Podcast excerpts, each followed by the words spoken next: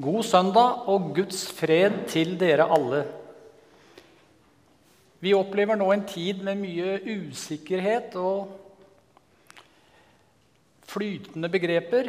Derfor er det viktig å ha noen faste holdepunkter.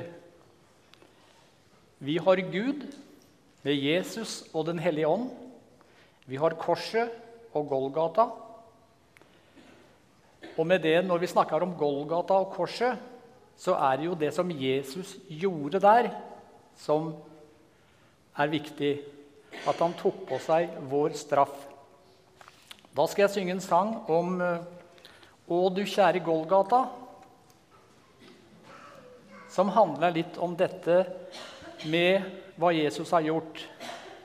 Å, du kjære Golgata, hvor jeg min hvile fant. Du som ble det offer høy, hvor soningsblodet rant. Du er blitt for syndere et sikkert skjulested, hvor de for sin sjel kan finne fred.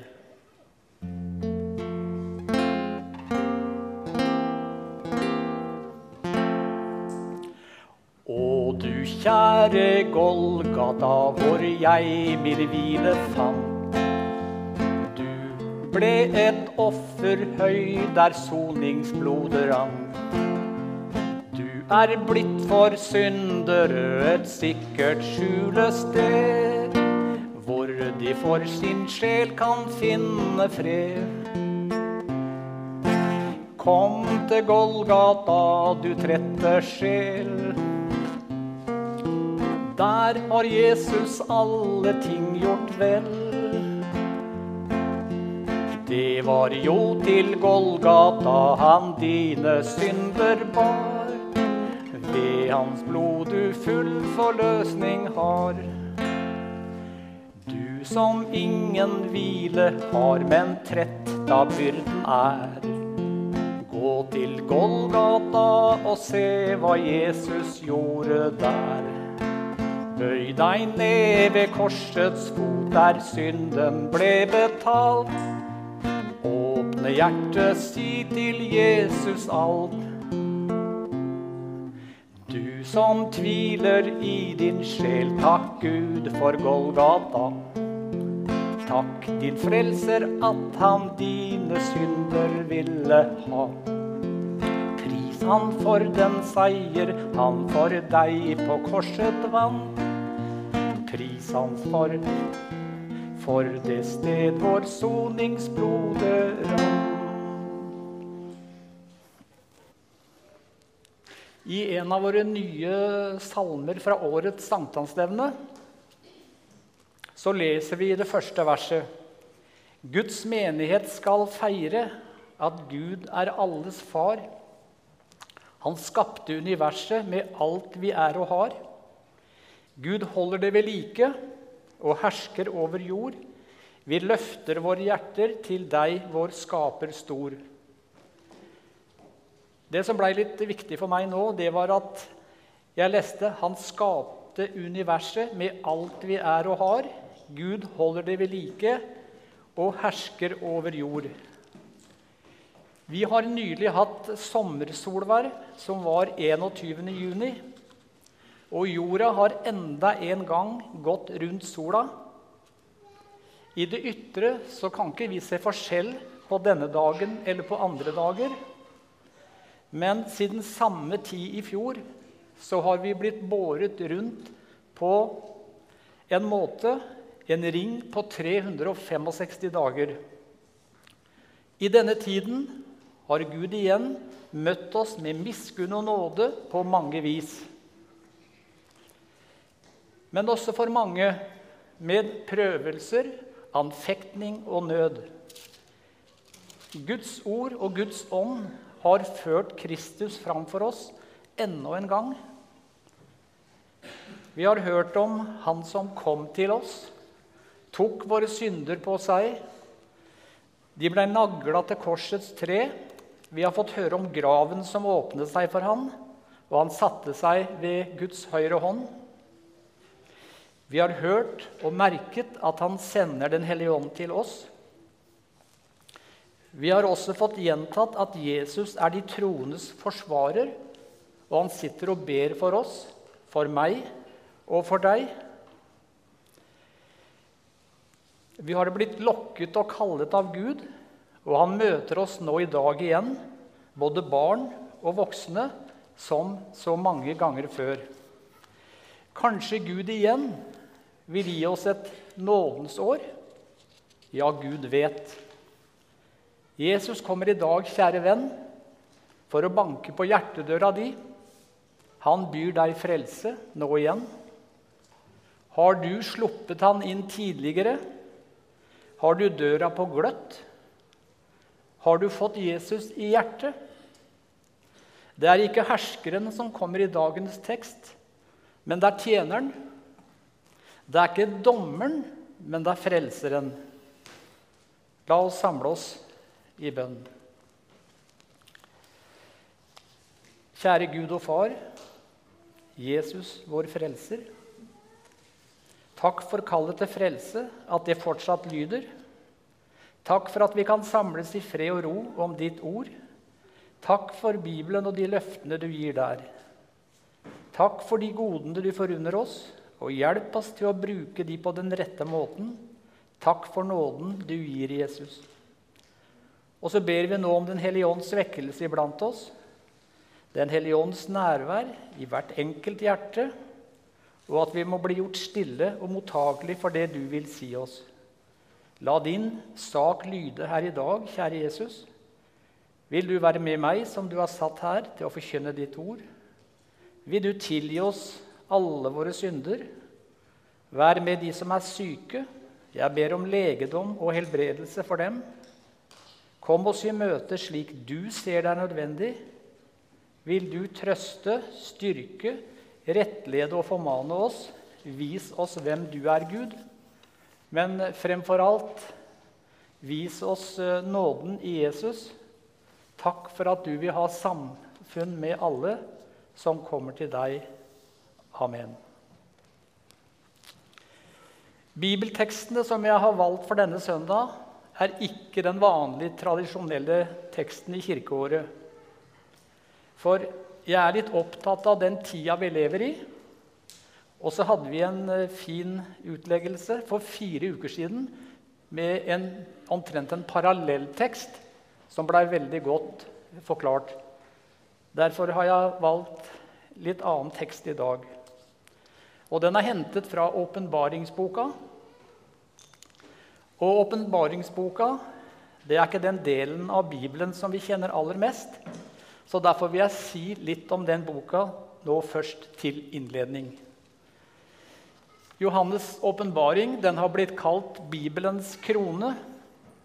Med denne profetiske bok så avsluttes og fullendes Den hellige skrift. Og fra denne profetiske varde rettes blikket mot den forestående evighet. Mer enn noen annen bok i Bibelen er Johannes' åpenbaring boken om det kristne håpet. Her tegnes et bilde av endetiden, og vi får en beskrivelse av de hendelser som skal skje før Jesus kommer igjen andre gang. Denne åpenbaringen den er skrevet sånn at den er synlig, mest synlig for de troende, som i bønn og påkallelse får Den hellige ånds gave. Eh, denne boka har også blitt betrakta som den vanskeligste i, i Bibelen. Og det er mange av kirkehistoriens menn som har hatt mye å si om deler av Bibelen men lite å si om åpenbaringen. Allikevel har det ikke mangla på tolkninger, men for de fleste av oss er det mye uforståelig her.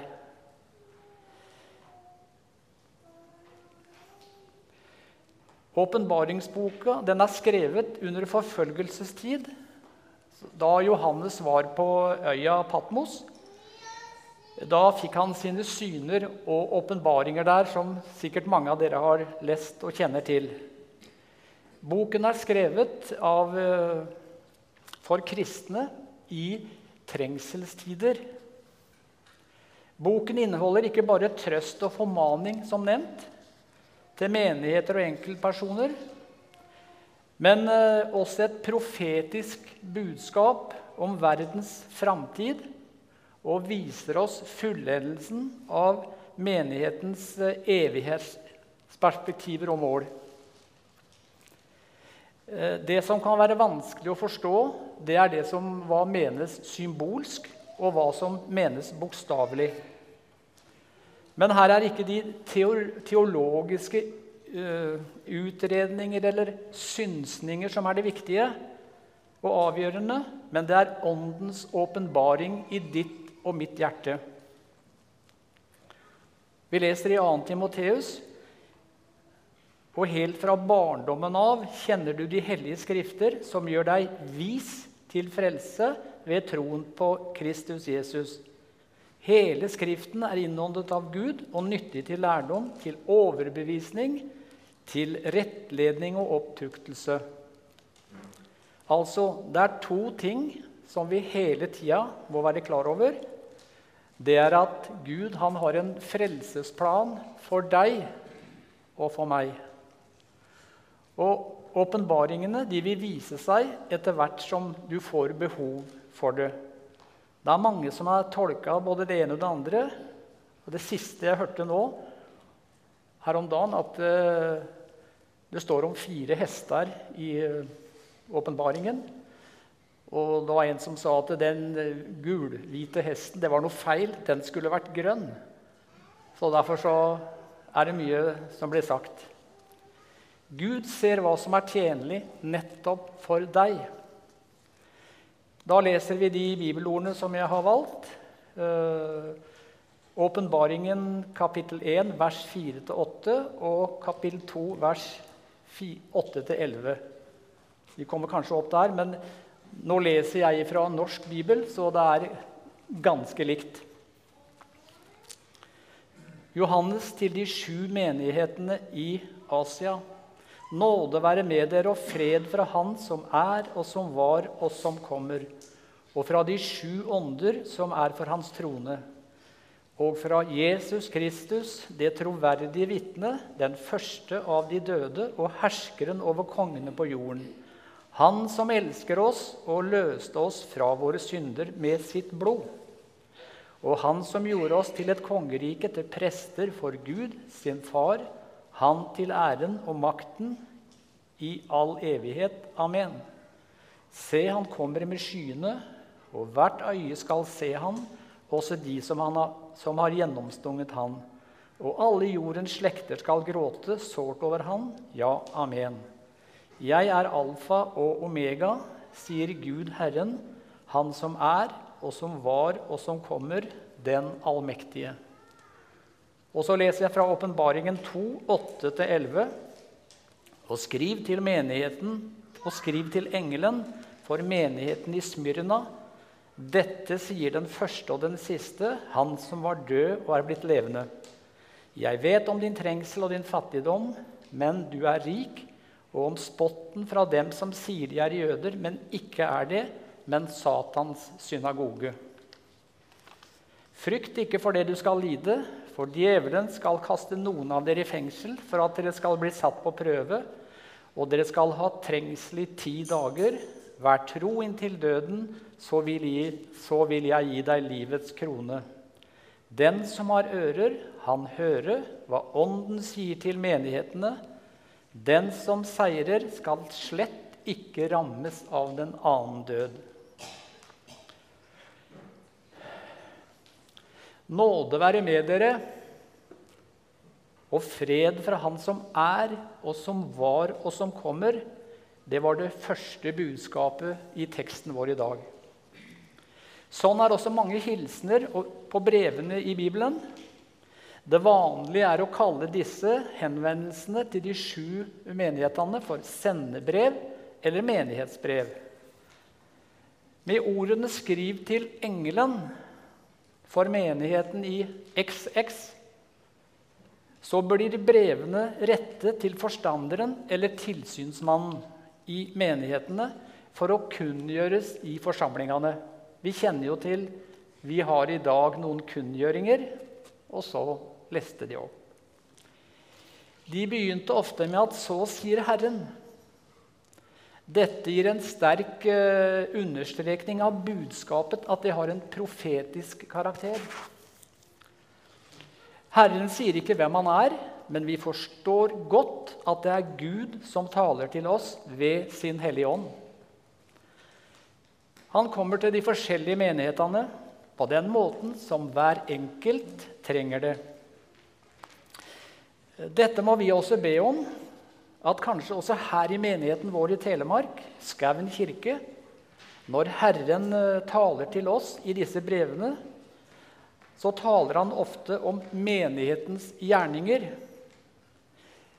Disse gjerninger de isoleres ikke i ytre aktivitet og virksomhet, men ser dem som en frukt av menighetens åndelige tilstand Gud han dømmer om treet er åssen treet er, om det er godt eller dårlig, om det er sykt eller sunt.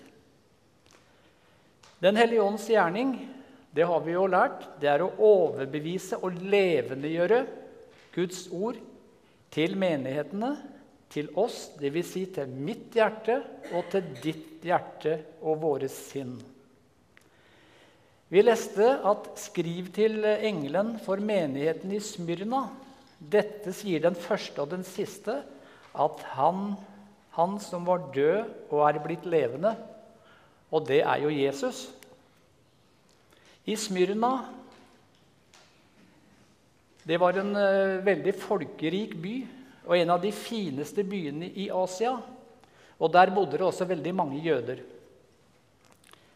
Merkelig nok så hadde de jødene veldig stor innflytelse og faktisk makt. Hvem som grunnla menigheten der, det vet vi ikke. Men vi vet at eh, Polikarp var biskop der inntil han lød Til han eh,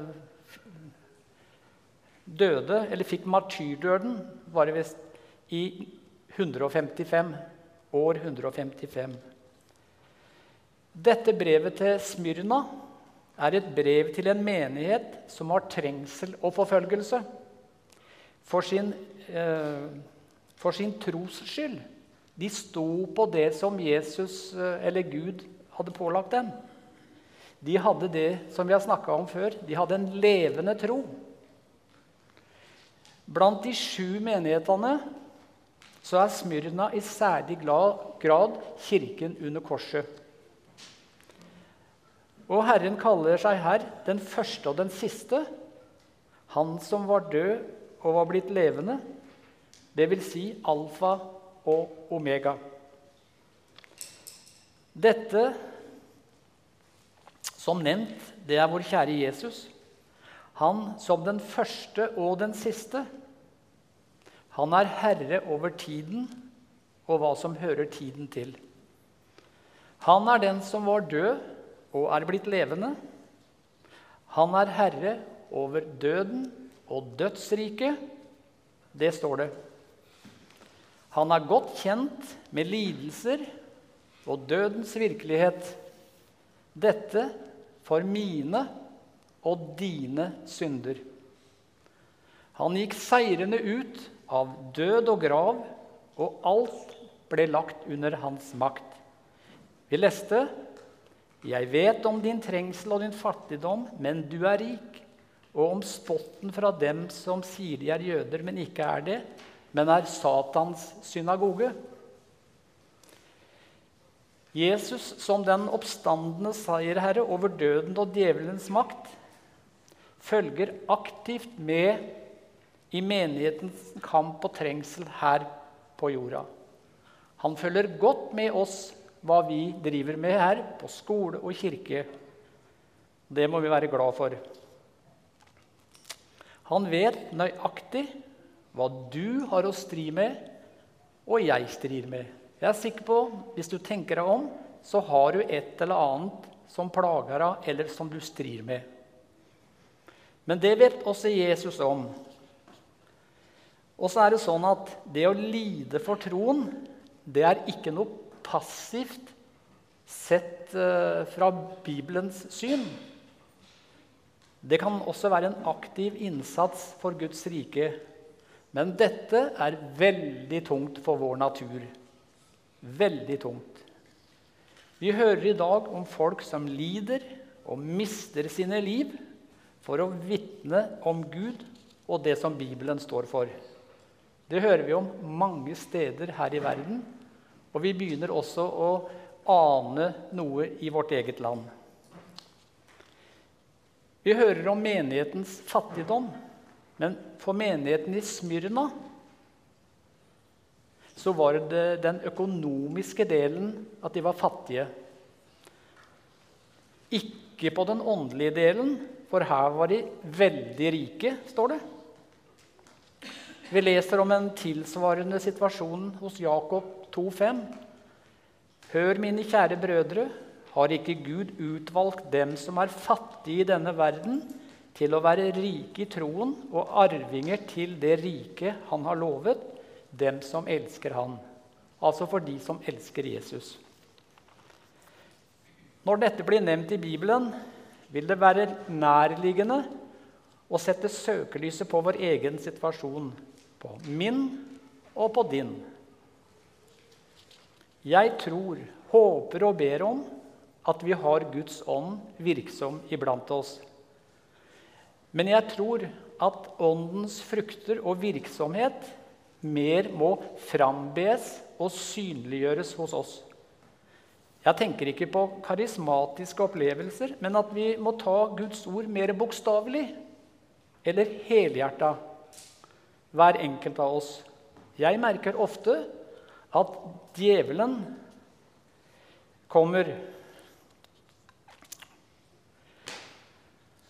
og minner meg om mange ting og sier, 'Har Gud virkelig sagt?' Vi lever jo i en ny tid nå.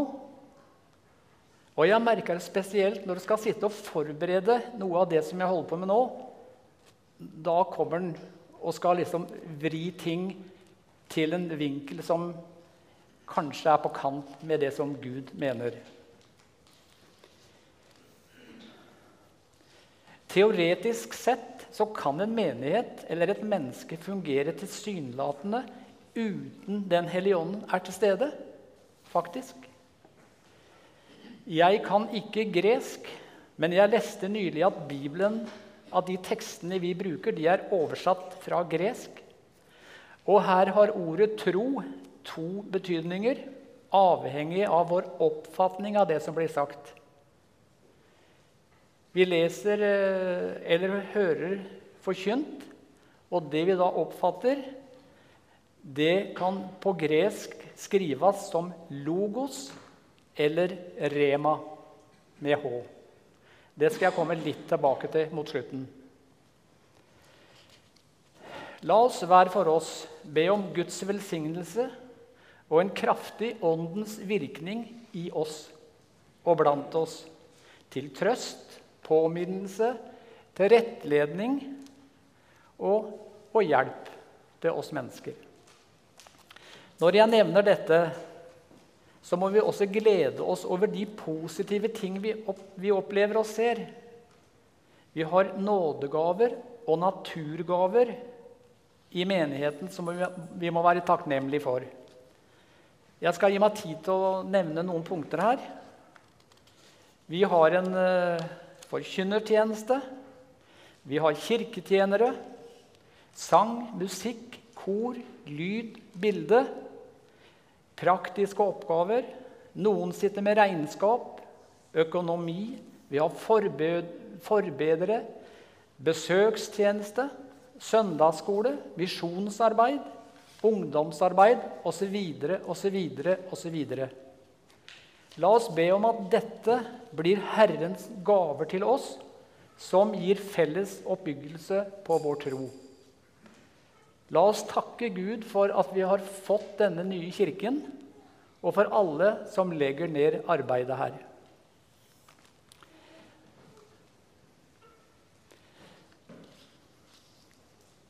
Da kan også slutten på Jakobs 2,5, som jeg leste i stad, bli vår hverdag være rike i troen arvinger til det rike han har lovet, dem som elsker ham. Vi hørte om noen kristne, de som vi nå kaller messinianske. Eh, I Smyrna. De ble spottet av folk som kalte seg jøder, altså de som trodde på Jesus. Men Bibelen kalte de for Satans synagoge. Og det var jøder som eh, blei spotta for troa si, og de blei spotta av eh, andre som også var jøder. Spott, det er eh, Satans kraftigste våpen. Og vanære er en av de tyngste prøvelser i kristenlivet. Jesus han lover ikke velstand og gode dager, som vi sier, men han vil være med alle sine inntil verdens ende. Jesus vil styre vandringa di til det beste for deg. Vi opplever i våre dager og i vårt land, også i hele verden, at troen på Gud forsvinner mer og mer. Hjem, skole og styresmakter blir prega av at Gud blir parkert. Vi ser at Bibelens budskap forkastes, og begrepene moral og umoral er snart helt ukjente begrep. Og langt mindre hva er synd? Vi ser at sannhet og forskning har fått trange kår. Vi leste i eh, Nytestamentteksten her i Lukas 21, vers 29 om ting som skal skje. og Her ble det nevnt 'se på fikentreet'. Da skal vi se at sommeren er nær når frukten begynner. Eh, vi ser rundt oss en del, etter mitt syn, endetidstegn. Jeg tror at vi er inne i en oppbruddstid.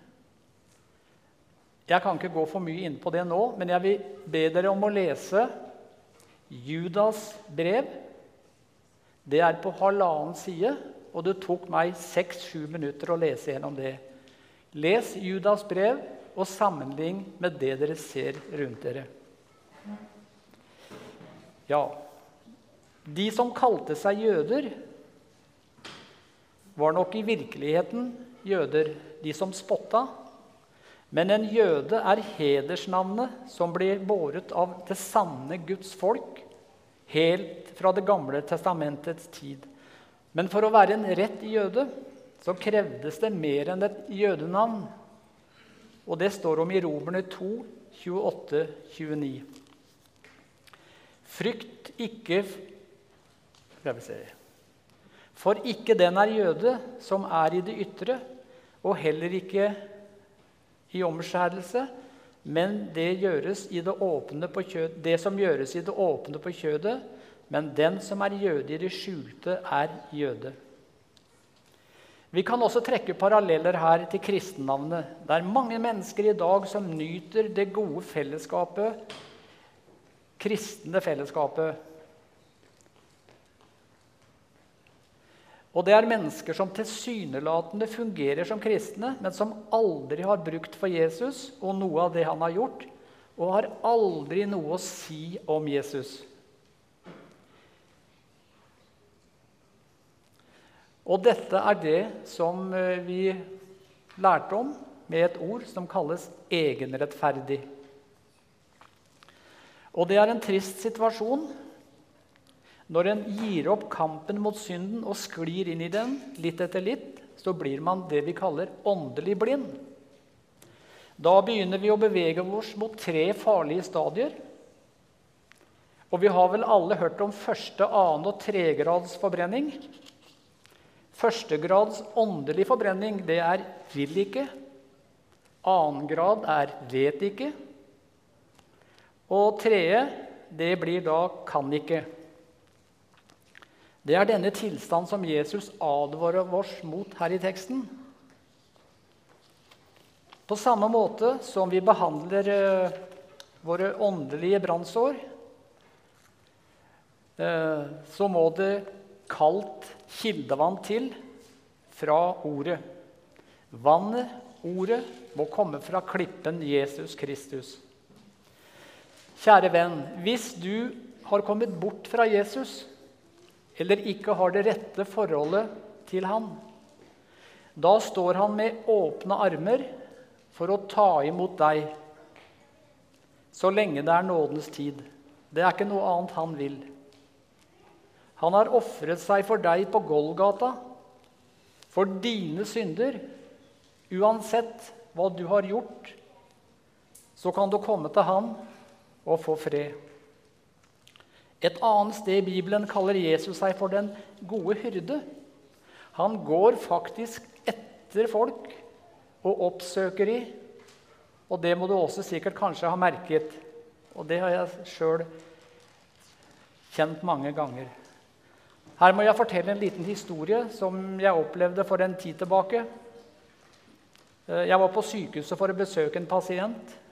Jeg satt på gangen og venta.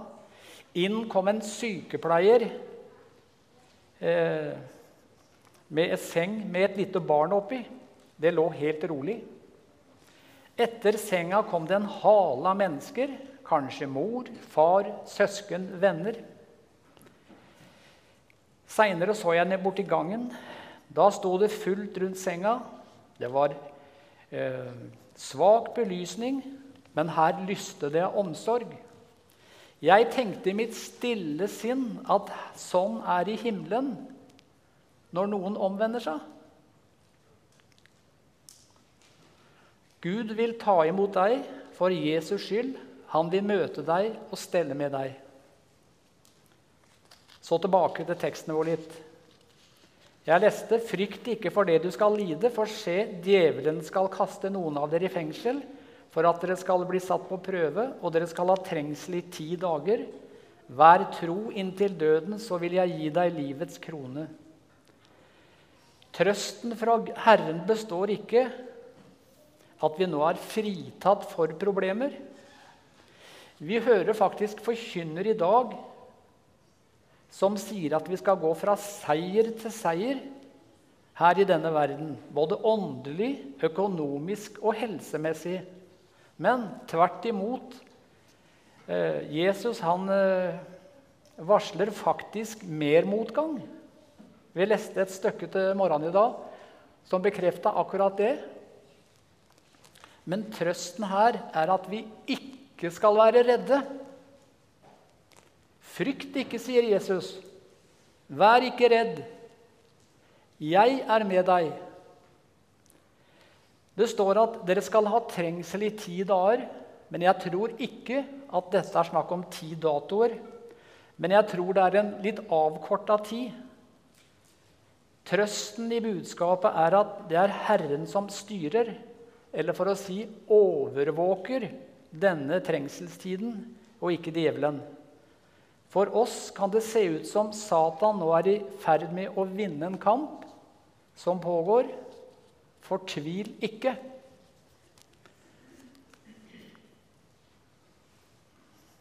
Men djevelen får ikke herje ukontrollert. Gud, Herren, bestemmer hvor langt han får gå. Vi kan trøste oss med Guds ord også her. Dere har ikke møtt noen som frister men Dere har ikke møtt noen fristelse som mennesket ikke kan tåle. Gud er trofast. Det å være tro mot Herren hele livet, det er ikke å være en livsfjern taper, som noen tror. Nei, det er å vinne livets krone og seierskransen som gir oss evig liv hjemme i himmelen. Her blir spørsmålet Vil du være med på reisefølget? Det siste verset som jeg leste, det var Den som har ører, han hører hva Ånden sier til menighetene. Den som seirer, skal slett ikke rammes av den annen død. Den første død er den naturlige død. Den annen død er den straff borte fra Gud det er de som velger livet uten Gud, og som ikke fatter eller vil forstå at de en gang kommer for dommen. La oss tenke på vannflommen. Da kom straffa. Sodoma og Gomora. Da kom straffen. Mange av dem som blåser i Gud, de føler seg fri i dag, enda de vet bedre. Men det å få livets krone, som jeg sa, det er det motsatte av å bli skada av den annen død. Den annen død har ingen makt over dem som har tatt del i den første oppstandelsen og tror på Jesus, det som han har gjort for deg og meg. Den delen som du kan eie eller tilegne deg her i nådenes tid, det er troen på Jesus. Den som har ører, han hører, leste vi. Disse ordene sa Jesus en gang. Frelsen ligger i vår hørsel, åndelige hørsel. Troen kommer av forkynnelsen. Forkynnelsen kommer av Guds ord. Men folk som hører og ser kanskje litt dårlig, som vi sier, de kan ha de beste åndelige ører og øyne. Hvis ikke Guds ord når inn i et menneskets hjerte, er det ikke håp om frelse. Det er det som Jesus mener, den som ikke har ører. Et slikt menneske kan være både kristelig og interessert i fellesskapet. Men det hjelper ikke hvis vi ikke tar budskapet inn i hjertet, der Gud får virke liv og ånd så lovte jeg å komme tilbake til dette med ordet tro. Ordet tro på gresk hadde to betydninger, som jeg nevnte. Det første var logos. Det er det generelle ordet du hører. Du hører, og så gjør du ikke noe mer med det. Det andre er rema. Det er dette åpenbare ordet til deg som gjør at du blir frelst. Det blir åpenbart i ditt sinn. Eh, den som hører Guds ord, gir akt på det, innretter sine liv etter det, blir av Jesus nevnt med ordene 'den som har ører'.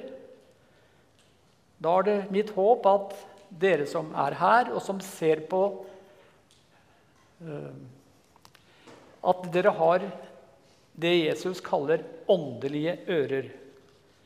Men så er det sånn at et slikt menneske kan ofte føle seg hjelpeløs, ute av stand til å tilegne seg det som forkynnes, men er innstilt på det de hører, og tar det til, slik, tar det til seg, slik at Guds ord kommer inn i hjertet. Da blir spørsmålet er du en logoslytter eller en remalytter som tar ordet til deg og kan leve og dø på det. Til slutt, i Johannes 3, 36, så leser vi disse trøstefulle ord.